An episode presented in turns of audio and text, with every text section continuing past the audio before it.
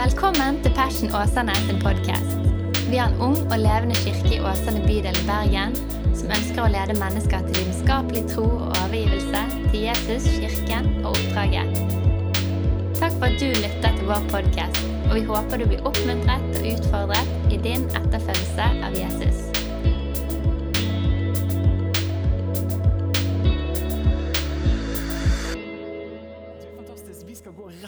Guds ord i dag. og eh, Jeg håper at du, selv om det er fint vær ute, er klar for noen Herrens ord. Og eh, jeg kjenner at Noe av gleden før jeg kommer i dag, det at vi kristne Jeg finner veldig trøst i det og styrke i det at vi kristne har kommet sammen over ikke bare tiår eller hundre år, men tusener av år for å høre Guds ord. da. Og Menigheter med logoer kommer og går, men den levende Guds, Guds kirke vil alltid bestå. Eh, og Det syns jeg er så fint. Så Vi tar bare del i det Kirken har gjort i tusener av år, av å tilbe Han, komme sammen i fellesskap og å sitte under Herrens ord. Og Det skal vi få lov til å gjøre i dag. Vi begynner en serie i dag som heter helt enkelt Verdig. og Det er en serie på hele to deler, så du kan ikke ha en kortere serie for å kalle det serie. Eh, Så vi har en miniserie som vi begynner i dag, som handler om verdig. Og I dag kommer vi til å snakke om oss mennesker, og neste søndag kommer vi til å snakke om Gud. da.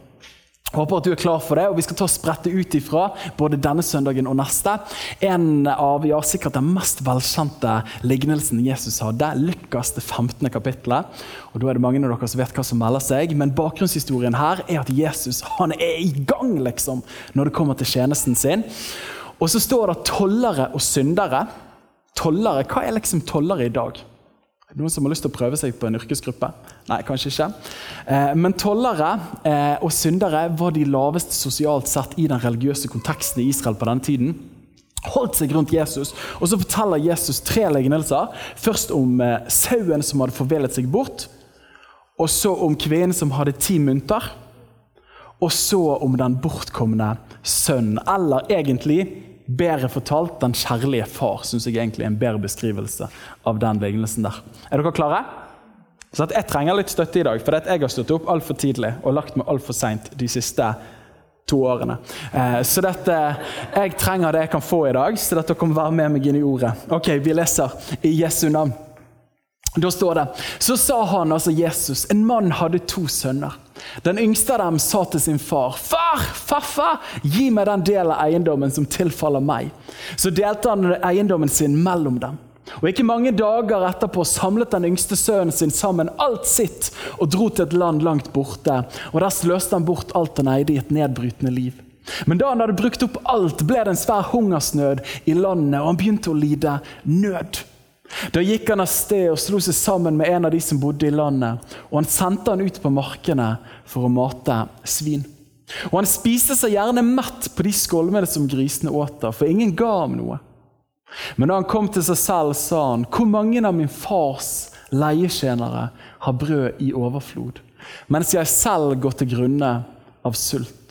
Jeg vil stå opp og gå til min far, og jeg vil si til ham, far, jeg har syndet mot himmel og framfor deg, og jeg er ikke lenger verdig til å kalles din sønn. Gi meg en tjeneste som en av leiekarene dine. La oss da be en enkel bønn. Herre, vi takker deg for at du er på dette stedet. Og Herre, takk for at ditt ord ikke har en utløpsdato. Men takk for at du taler gjennom det du har talt. Og takk for at det berører og beriker og forvandler livene våre i dag, Jesus. Så vi ber hold oss våken, hold oss skarp, eh, og bruk disse øyeblikkene i ditt gode, gode navn. I Jesu navn. Amen. Amen. Først må jeg si det er utrolig godt å feire gudstjeneste. Det er kjekt å være sammen. Det er det. Takk for at du er her, og takk for at du er med å bygge fellesskapet med ditt nærvær. Den TV-en der er den første TV-en jeg husker at vi hadde. Husker dere det, mamma og pappa, den TV-en der? En Philips. Eh, Jeg lurer på om det er sånn 24 tommer eller noe sånt. Jeg kan nevne at jeg hadde klassebesøk i 8. klasse, bursdag, og da så vi Walk to Remember. Det trist i utgangspunktet at en gutt hadde det. Eh, Men da husker jeg hele klassen var stuet i kjellerstuen foran en 24-tommer. Og jeg visste jo at det ikke var stort på den tiden der, men det føltes ok. Nå har vi en TV som er 65 tommer, og jeg syns den blir mindre og mindre på veggen. Barna vet ikke det er en TV, de tror det er et bilde. så ikke si det til dem. Men bakgrunnshistorien er at når jeg vokste opp hjemme, så hadde vi vi hadde TV da jeg var helt liten, og så en dag sto TV-en på, og så slo, var det lyn og torden. Eh, og så sluttet han å virke. Det sa kaputt, og mamma og pappa tenkte at dette var et tegn fra Gud at vi ikke skal ha TV. Så det gikk mange år før vi hadde TV. Eh, og det passet fint inn i den pietistiske kristendommen som vi har vokst opp i og er glad i. Men så tror jeg kanskje at etter hvert på barneskolen at jeg og min søster var litt sånn lei av å være de eneste som kom tilbake liksom etter helgen. og der folk spurte fikk du med deg det som gikk på TV i helgen. Og vi bare sa nei, jeg var i kirken. Vi hadde flagg. Eh, og, folk, eh, og det var liksom kjipt å ikke henge med. Eh, så etter hvert fikk vi en TV, og det var fantastiske Philips.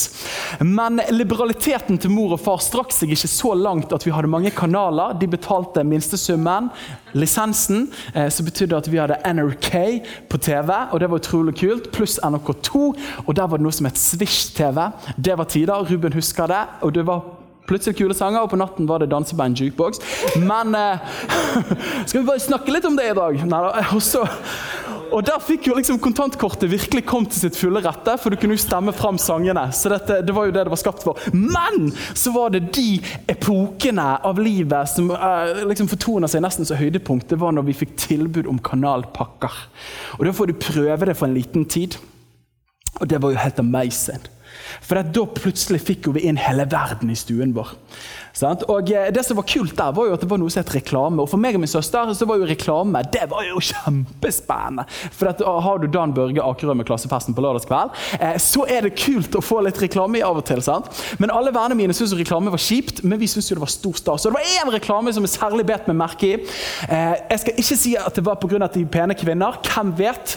Men jeg husker Loreal Paris sin reklame, og det husker sikkert alle dere. En jente eller en kvinne med liksom masse hår, liksom nesten ser ut som bare svinger rundt og er svimmel, men bare håret blafrer i disse vindkanonene. Og det er så fine farger på dem.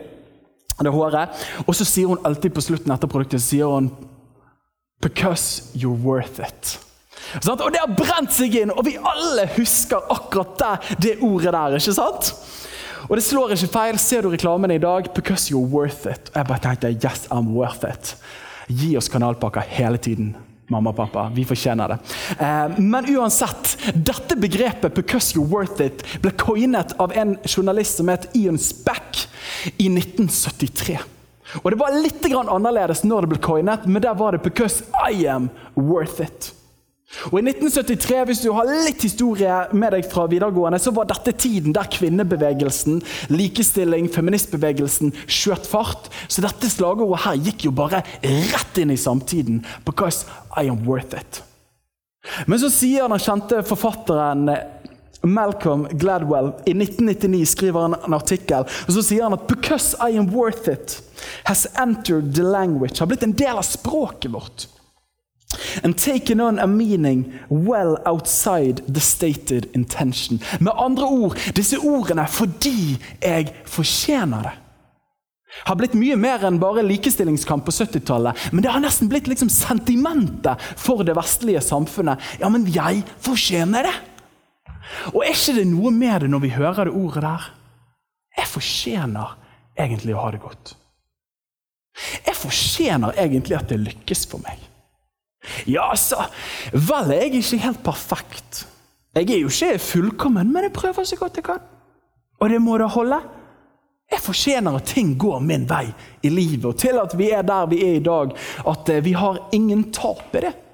Når det løpes 17. mai-løpene og breddeidretten. Det er ingen taper lenger. Det er bare vinnere som plasseres litt ulikt på tabellen. Og så er det medalje til alle. og nå er ikke jeg etter Det det kan sikkert være en fin pedagogisk tanke, men det er noe med at jeg fortjener det. Så vi lever med en holdning i dag. Da. Men så kan man stille seg spørsmålet er jeg egentlig god. Og er jeg egentlig god nok? Ja, fortjener jeg det?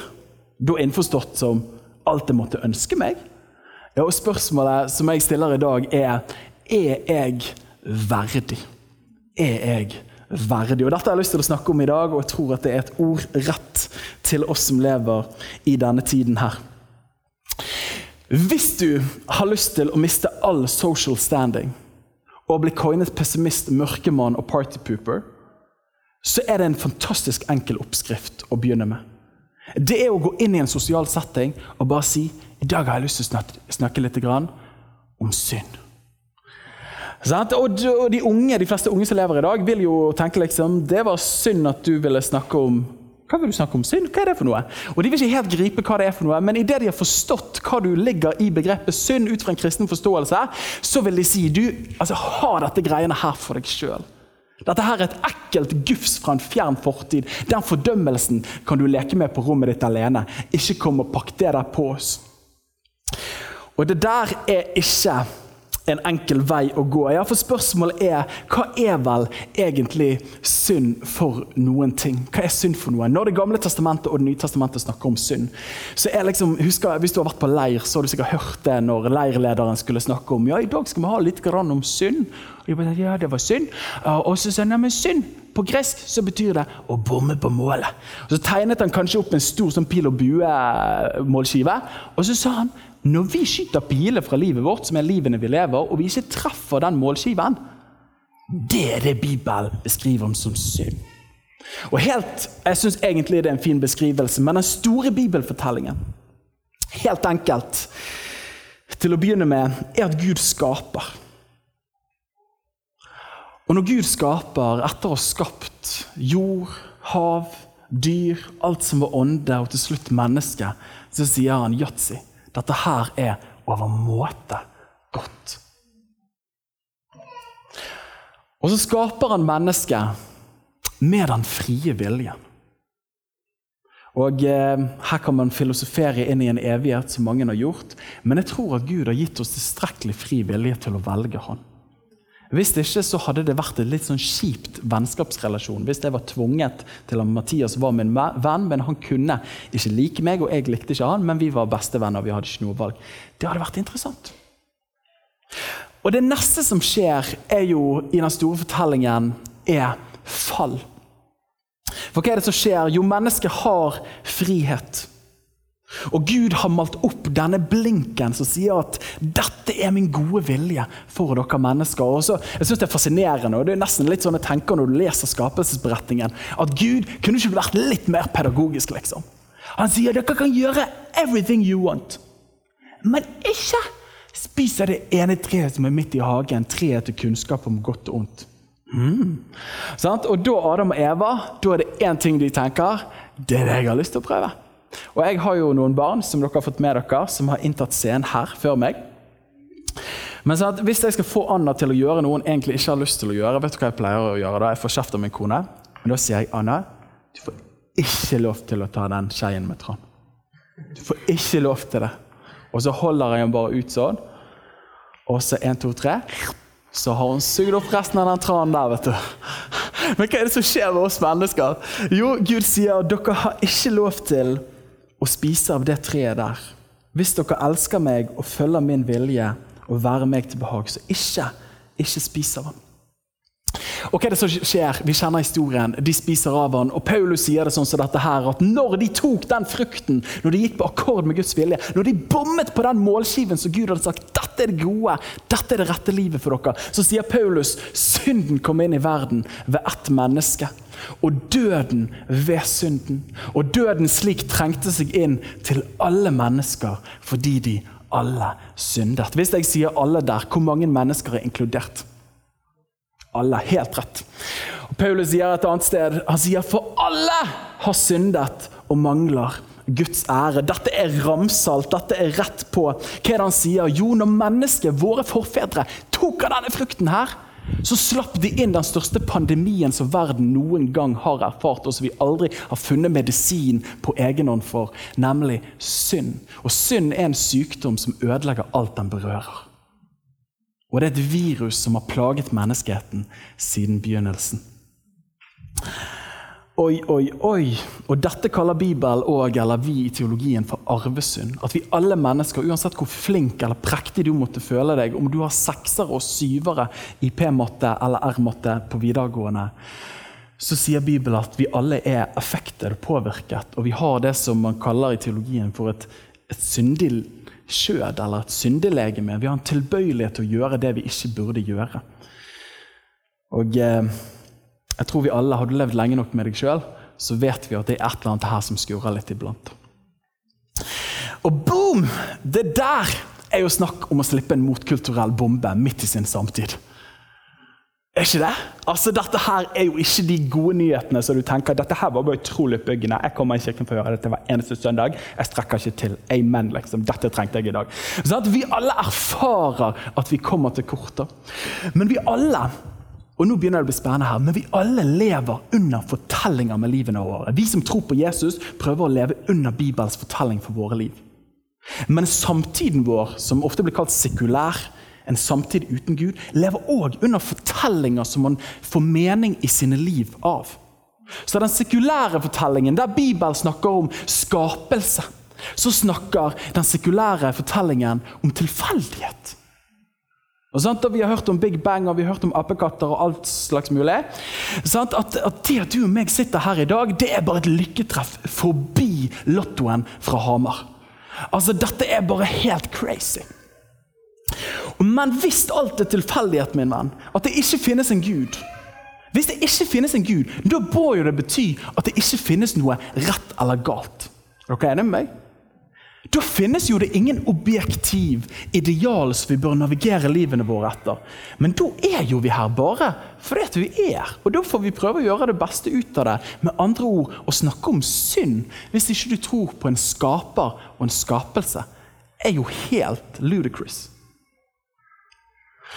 Og Den kjente ateisten Richard Dawkins sier det sånn som dette her at uh, The universe that we observe has precisely the properties eller egenskaper we should expect if there is at bottom no design, no purpose, no evil, no good, nothing but pitiless indifference. Du bare kjenner at livsvisjonen melder seg der, og du kjenner mening med tilværelsen. DNA neither cares nor knows. DNA just is and we dance to its music.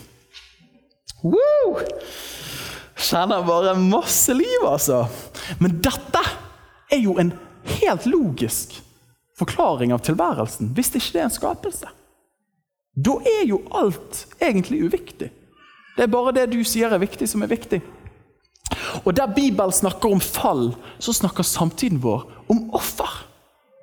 For der Bibelen snakker om skyld, at vi er skyldige overfor Gud, arve, altså arveskyld Altså Vi er født med menneskeslektens synd og skyld, som man sier i teologien. Så gir jo ikke det mening å si at vi har gjort noe gale, hvis ikke det finnes en norm å bryte. Og der Bibelen snakker om at, om at skam, at det er noe som er litt i veien med oss, så gir jo ikke det mening å snakke om skam. Så det man da gjerne snakker om i samtiden istedenfor, er offer. Og Da er man offer for urettferdige strukturer og undertrykkende kulturer. Så hvis ikke jeg gjør helt det jeg burde gjøre, så er det pga. at mine forutsetninger ikke var så bra. Ja, Det er ikke pga. at jeg først og fremst Ja, jeg gjorde det og måtte en viss grad ta ansvar for det. Men det er ikke noe gale med meg. Det er ikke noe som er i veien med meg. Jeg har bare vært uheldig for de undertrykkende strukturene i samfunnet. Og ja, det er en dimensjon at det finnes. Men så teologen Geir Otto Holmås sier, han sier at det er ikke enkelt det der å kommunisere dette med synd i dag. Det er ikke liksom sånn du vinner klassefestens oppmerksomhet. Kulturen vår er gjennomsyret av en terapeutisk tankegang. Derfor har vi mye lettere for å se på oss sjøl som såret eller som offer, enn å erkjenne ansvar og skyld.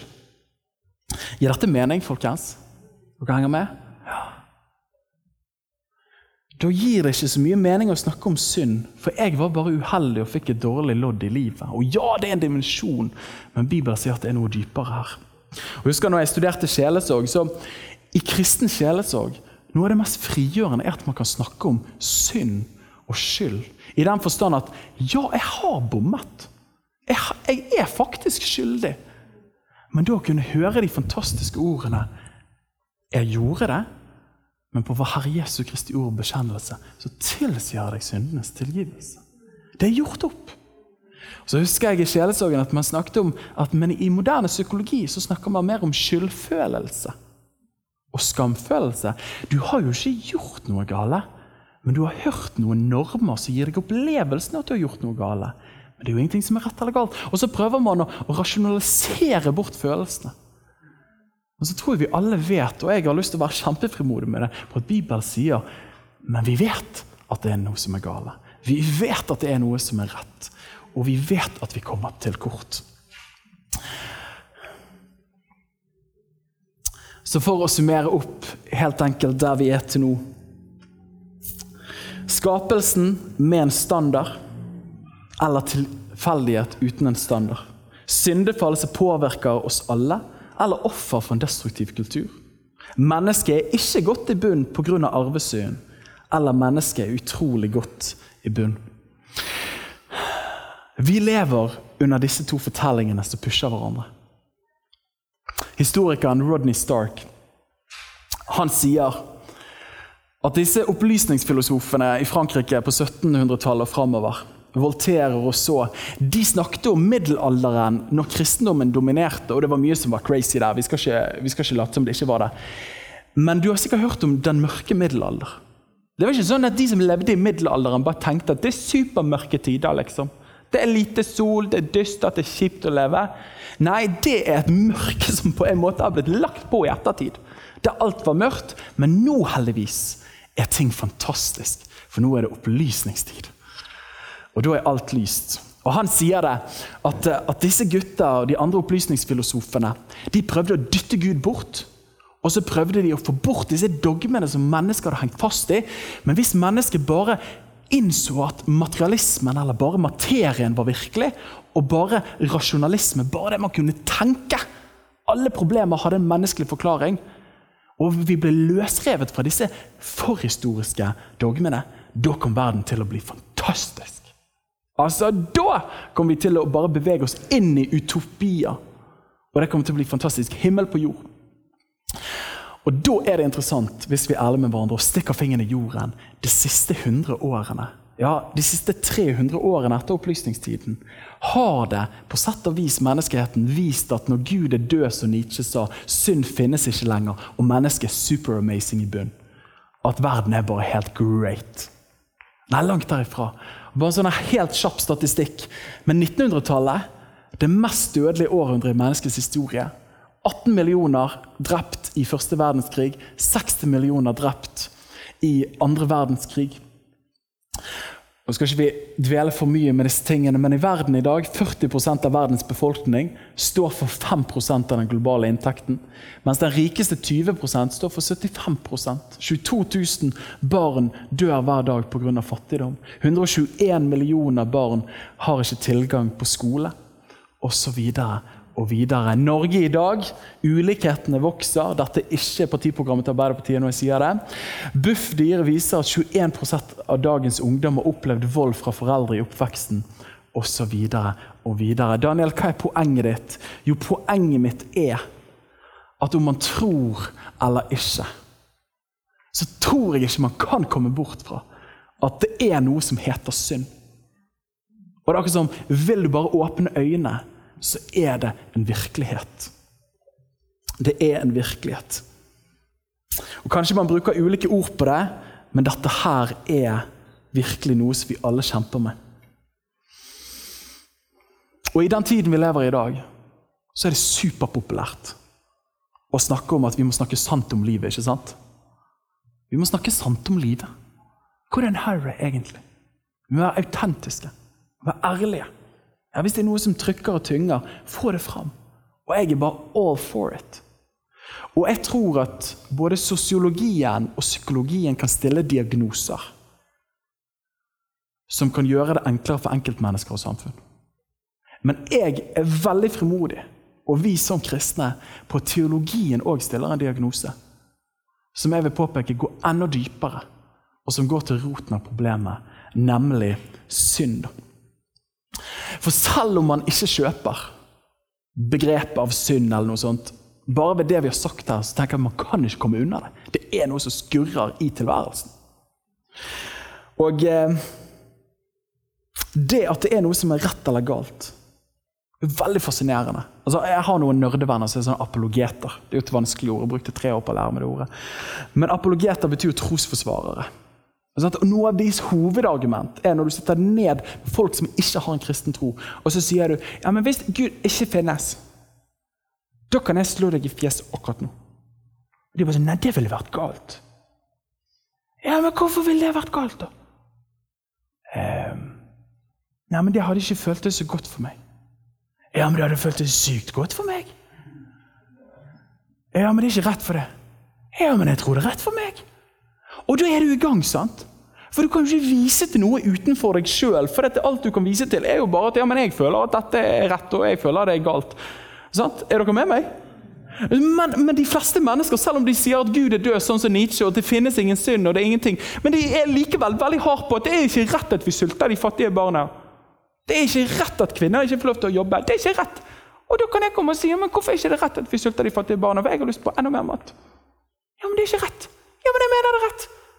Ja, men det er ikke rett. Ja, men Hva viser du til? Nei, men det jeg føler. Ja, jeg føler veldig mye rart, jeg òg. Sånn, altså, da er vi i gang. Og vet du hva? Dette her er faktisk noe som Paulus og Bibelen har snakket om i mange år. Og det heter naturlig teologi, eller allmennåpenbaring i teologien. Paulus sier det sånn som dette her. Guds ord har sagt det lenge. For det en kan vite om Gud, ligger åpent for dem. For Gud har åpenbart det for dem. For helt siden verdens skapelse har hans usynlige egenskaper vært klart synlige. Altså Det han sier, er at den Gud er, og han er standard, og denne blinkskiven, det er åpenbart for alle mennesker. Til en viss grad. Og så står det videre at sånn er de uten unnskyldning. Og Dette er det man snakker om i teologien, av at mennesker kan kjenne noe som er rett og godt, selv om man ikke tror på Bibelen. For det ligger i oss. Vi er skapt for det, fordi vi ligner på Han som skapte oss. Ja, Han sier det videre, for når mennesker som ikke har loven, av naturen gjør det loven lærer, er disse sin egen lov, selv om de ikke har loven. Disse viser at lovens gjerning er skrevet i hjertet deres. Om det vitner samvittigheten sammen med dem. Det samme gjelder tankene deres, som innbyrdes enten anklager dem eller unnskylder dem. Er dere med? Om man tror eller ikke, så er på mange vis Guds lov, Guds standard, skrevet i hjertene våre. Jeg vet at det er litt undervisning, men jeg har skikkelig tro på dette. her, Og jeg tror at vi trenger å høre den bibelske fortellingen når det er en så sterk fortelling som går i vår samtid. Sant? Og Dette kaller Bibelen for loven. Kan du si loven? Halleluja. Nå hadde Martin Luther vært kjempestolt hvis han levde og var iblant oss. For hva er loven for noe? Og dette, Jeg har lyst til å bare ta noen få øyeblikk på det. Men hvis jeg hørte en gang en historie om en som hadde blitt kristen, og så hadde de sagt du er nødt til å lese Bibelen din. Og så hadde han fått en bibel og gått hjem. og så historien, Han begynte på første side, Mosebøkene, og så leste han når det kom til ofringene. sant? Og så, hvis historien medfører korrekthet, som jeg på en måte håper han ikke gjør, men jeg tror han er riktig, så hadde han en kanin. Og han forsto at her skal det ofres. Eh, så han tok kaninen sin. Vil dere hente min nevø? Og plukke han med seg ut, kanskje? Eh,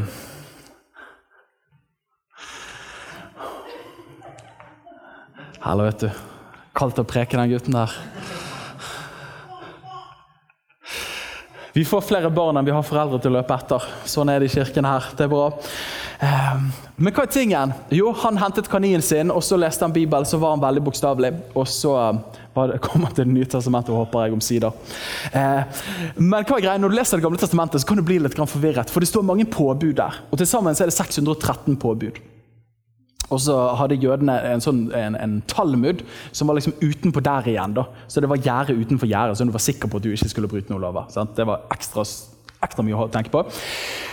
Men så har vi så det, altså Hvis vi er ærlige Har ikke du tenkt når du leser GT eksempel, at det er litt sånn rare renhetslover av og til? Har dere tenkt det? Og kanskje Særlig hvis ikke du er mann, så tenker du at jeg har fått et dårlig lodd. Eh, men så er det en reformator som heter Sean Calvin, og han hjelper oss til å sortere litt greier her. Han sier at i Det gamle testamentet kan du strengt tatt dele inn lovene i tre deler. De seremonielle lovene, som går på, på renhet eh, og, og ofringer og de tingene, så sier han at Jesus er det siste offeret. Så de, de lovene gjelder ikke oss i dag. Og så har du de sivile lovene, som handler om hvordan israelsfolket som en nasjon skulle oppføre seg. Eh, vi er ikke et teokrati i dag, så det gjelder ikke oss i dag. Men så har man det man kaller, kalles for den moralske loven. Som sier noe, og da finner sitt høydepunkt i de ti bud. Så sier Du skal ikke stjele, du skal ikke drepe og de tingene der. Og så sier han at dette er tidløse åpenbaring av Guds vilje for menneskeheten. Og liksom Grunnregel er at hvis det blir gjentatt i Det nye testamentet, så er det en del av Guds moralske lov, da, som det kalles i Nytestamentet for Kristi lov. Tok dere den? Så ikke alt som står i GT, skal bli prøvd hjemme. Don't do this at home. sant? Eh, det er veldig veldig viktig at vi har det på plass. Men loven er jo utrolig, utrolig bra på den ene siden, men krevende på den andre siden. Hvorfor det? Jo, Paulus sier det sånn som dette her. La det så helt fast at loven er hellig. Budet er hellig, rettferdig og godt. Altså Guds åpenbaring av Guds målskive, det er fantastisk! Det eneste som messer det opp, og det har vi fått fram til det fulle nå, er jo at vi ikke klarer å levere toppkarakterer til kravene. Jesus er jo enda tøffere. Eh, han bare høyner loven litt. Og I den tiden vi lever i i dag, og hvis vi tar det fra et bibelsk perspektiv Du er et godt menneske i bunn. Så si, Ovenfor Guds lov og Guds standard så er svaret nei, overhodet ikke. Du er perfekt. Og da ikke først og fremst utseendemessig, men ovenfor Gud. Du er perfekt. Er du helt seriøs, eller? Altså, langt derifra. Du er god nok. Langt derifra! Dette er den diagnosen Bibelen stiller. Ja, så lenge du gjør så godt du kan, så vil du aldri ha sjans! Du fortjener det! Du fortjener absolutt ingenting! Og du er verdig. Totalt uverdig. Og Nå bare kjenner jeg at dere bare reiser dere opp i verdighet her. Det er godt. Og Da har jeg lyst til å stille spørsmålet men, Og dette er jo den kristne forkynnelsens hovedoppgave.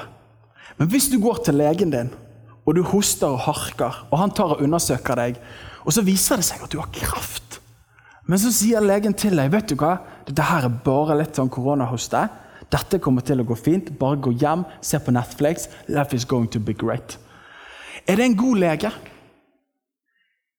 En kjempeslem lege. Han var kompis og showmy akkurat da, men han drepte deg. Eller hvis du har en lege som bare sier du sliter, du kommer til å dø hvis det ikke skjer noe. Og hva er tingen? Jo, det må stilles den riktige diagnosen for at riktig medisin kan gis. Bibelen stiller en knalltøff diagnose når det kommer til menneskeheten. Til ditt liv og til mitt liv. Han sier at det er ikke snakk om skyldfølelse. Her er det snakk om dønn reell skyld.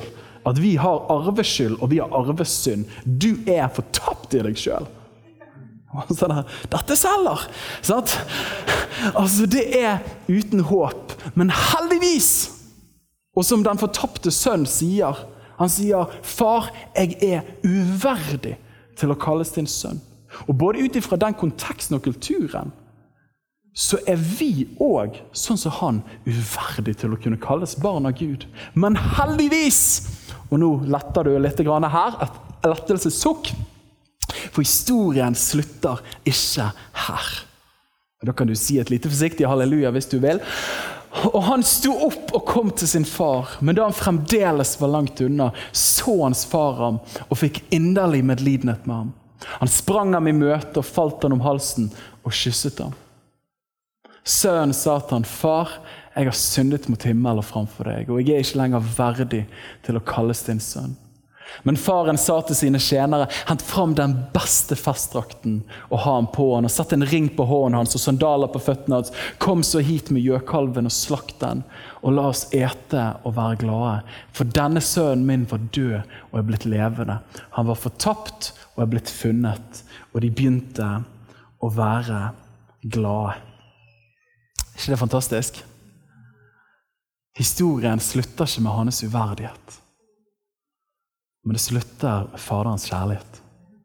Historien vår slutter ikke med vår uverdighet, men den slutter med Faderens kjærlighet. Mm. Og dette er det man kaller for evangeliet. Evangeliet. Og som vi leste, syns det er så vakkert, men, men langt borte så så hans far han. Det er jo et fantastisk bilde. Altså, du kan jo meditere på denne teksten her. Men langt borte, mens vi ennå var syndere, så så Gud oss. Og Gud ser menneskeheten. Og fikk inderlig medlidenhet med ham. Tenk at Gud følger med oss. da. Sønnen sin smerte og griseklær var jo totalt selvpåført. Men likevel så så det at han hadde inderlig medlidenhet med ham. Sprang ham i møte, det man ikke gjorde i denne kulturen, og falt han om halsen og kysset ham. Jeg synes Noe av det vakreste er jo at, at han hadde jo vært på tur i grisebingen. Og lukta, Hvis du har vært i en grisefjøs, så lukter jo det forferdelig intenst. Derav griselukt. Og grisefjøs og grisemat. Og vi stopper der. Men så står det at han omfavnet han. Og det er et bilde på hvordan Gud omfavner oss i vår synd og vår uverdighet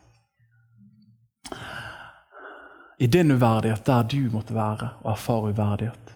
Og tar den beste festdrakten på han, han gir han en ny identitet. Han sitter en ring på fingeren hans som handlet om pappas minibankkort. Som handler om tilhørighet og tilgang. Og sandaler på føttene hans som bare sønner gikk med. Og så begynte de å være glade for at framtiden var lys. Altså Her skulle vi tent stearinlys, hatt synt i bakgrunnen og bare campet. Men dette er jo evangeliet som Jesus legger ut. Først maler han et ubarmhjertig bilde av menneskets situasjon i seg sjøl. Men så stopper han der, men så inviterer han og viser Guds hjertelag for livene våre etterpå. Da. Er Den mest kjente bibelverset som vi alle kjenner til, er jo at for så høyt har Gud elsket verden at han ga sin sønn den enbårne, for at hver den som tror på han, ikke skal gå fortapt, men har evig liv. Denne kjærligheten fra Gud leder til han omfavner oss i vår synd. Så hva er det som skjer når Jesus dør? Det som skjer, er at han som ikke kjente til synd, gjorde Gud til synd for oss, for at vi skulle få Guds rettferdighet i han. Jeg syns noe av det råeste med evangeliet Evangeliet betyr gode nyheter. Hadde jeg bare, altså Loven som jeg prekte i sted, det er ikke gode nyheter. Det er dårlige nyheter. Men evangeliet etter loven er fantastisk gode nyheter. Og loven er jo ikke ond fordi at han kler oss helt naken. Loven er jo bare et bilde av Guds karakter og oss stilt opp ved siden av det, så kommer vi ut på minus. Så folk bare sier men de hater Guds standarder. Nei, det du hater, er jo synden i livet ditt som masser deg opp. Ja, men Jeg hater at Gud har disse kravene. Nei, altså, Du skal være kjempeglad det er noe som er rett og galt. liksom. Hvis ikke hadde det blitt helt kaos. Det du hater, er at du kommer til kort overfor Guds standard. Svaret er ikke å klippe bort og redigere og eliminere den standarden. For da kommer det fortsatt til å være kaos. Svaret er å få den diagnosen, men så kunne finne medisin ved siden av. Den kristne fortellingen som vi tok i sted, skapelse, fall, så kommer frelse. Vi falt, men så kommer det en frelse. Men der Bibelen snakker om frelse, så snakker samtiden vår om selvrealisering og selvforbedring. For hvis jeg ikke har synd, hvis jeg er et offer, så må jeg bare forbedre meg sjøl. Og Det jeg har lyst til å påpeke, jeg tror det er noe av det mest slitsomme livet man kan leve. For du vet det er noe som mangler, du vet det er noe som er galt. Men du kan ikke erkjenne at jeg har gjort noe galt. Jeg er et offer for alle slags mulige grunner. Jeg har unnskyldninger, så da må jeg fikse det. Kristne fortellingen er at du kan ikke fikse det, for dette er bare totalt ødelagt. Men heldigvis er det en far som løper deg i møte, og som gir deg det du ikke kan få på egen hånd. Halleluja. Så loven stiller diagnosen, men bare evangeliet er medisin. Loven stiller diagnosen, men bare evangeliet er medisin. Så spørsmålet vi stilte til å begynne med, er jeg verdig? Ovenfor Guds standard i oss sjøl totalt uverdige. Totalt uverdige. Men når vi er Jesus og tatt imot Guds frelse, så er vi så så verdige. Paulus sier det sånn som dette her i Kolosserne, så sier han at, at dere er Guds hellige. Vet du hva hellig betyr? Det betyr hel. Det betyr at det ikke finnes noen mangler på deg og på meg. Sier videre at vi er Guds utvalgte, og vi er Guds elskede. Og Jeg har lyst, jeg har lyst til å påpeke en ting her.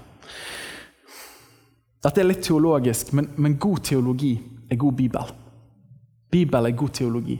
Og vi trenger i en tid som dette, så trenger vi å kjenne Guds ord. Eh, man har kanskje hørt i kristne sammenhenger eh, 'jeg er bare en synder'.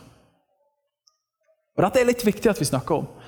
Men i bedehus, lavkirkeligheten, så har det vært veldig sånn ja, men I meg sjøl er jeg bare en synder. Det finnes ikke håp for meg. Det finnes ingenting godt i meg. liksom. Tut og kjør, alt er godt. Eller alt er liksom kjørt. Eller alt er godt. Jeg er bare en arme synder i meg sjøl. Og så har jeg lyst til å påpeke at det er helt sant. I deg sjøl, i meg sjøl. Uten Jesus så er vi totalt ødelagt. Altså, vi er syndere.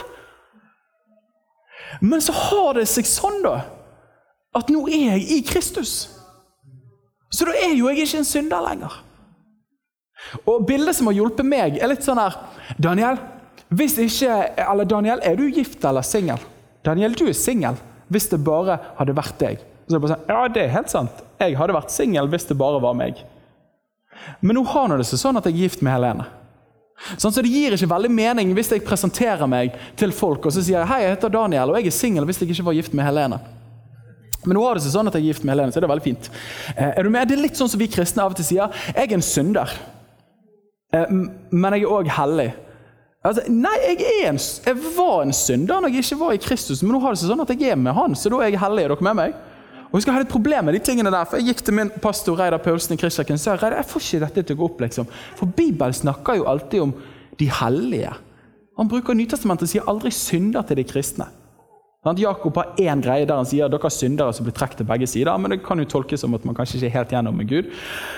Men hovednerven er at dere er hellige. Så Reidar, jeg får ikke dette til å gå opp, liksom. Vi sier syndere, men Bibelen sier hellige. Hva tenker du her?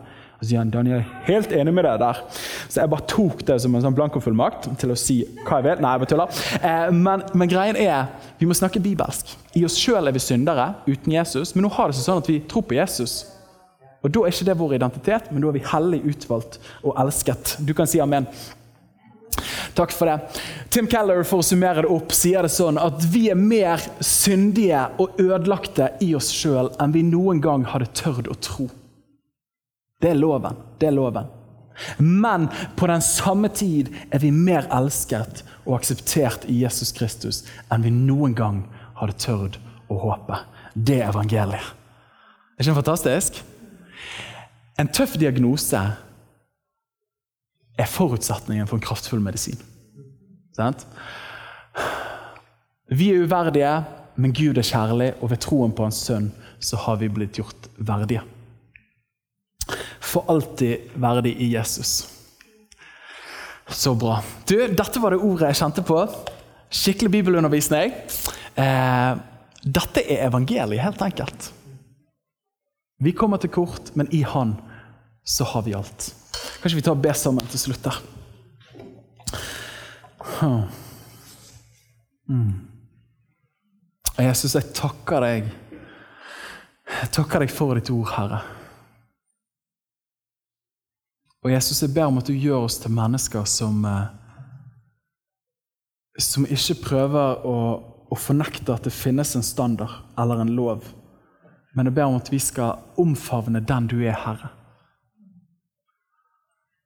Og så ber jeg deg, Herre, om at evangeliet, som er din kraft til frelse, skal få lov til å nå våre liv på alle områder, Herre, så vi kan kjenne at vi blir oppreist. Og at vi får lov til å erfare den kjærligheten som den bortkomne sønnen fikk erfare. At selv om han ikke fortjente det, og han var uverdig, så gir du nåde ufortjent. Og du gjør oss verdige gjennom din nåde, Herre. Jesu navn. Jeg ber òg, Herre, som kirke og som fellesskap, at vi skal få ta den kristne fortellingen, som både er tøffere, men som er bare evig mye mer frigjørende enn den sekulære samtidsfortellingen. Herre. Og ta den til verden, og ta den til våre venner. så de kan få lov til å erfare livet som finnes i deg, Jesus. I Jesu navn. Amen. Takk for at du lyttet til vår podkast. Hvis du synes den var bra, så del den gjerne med noen flere. Vil du vite mer om hvem vi er, hva som skjer, og kanskje besøke en av våre gudstjenester, se vår nye hjemmeside på fashionåsane.no, eller følg oss på sosiale medier. Helt til slutt, ta imot Herrens velsignelse. Herren velsigne deg og bevare deg. Herren la sitt ansikt lyse over deg og være deg nådig. Herren løfter sitt åsyn på deg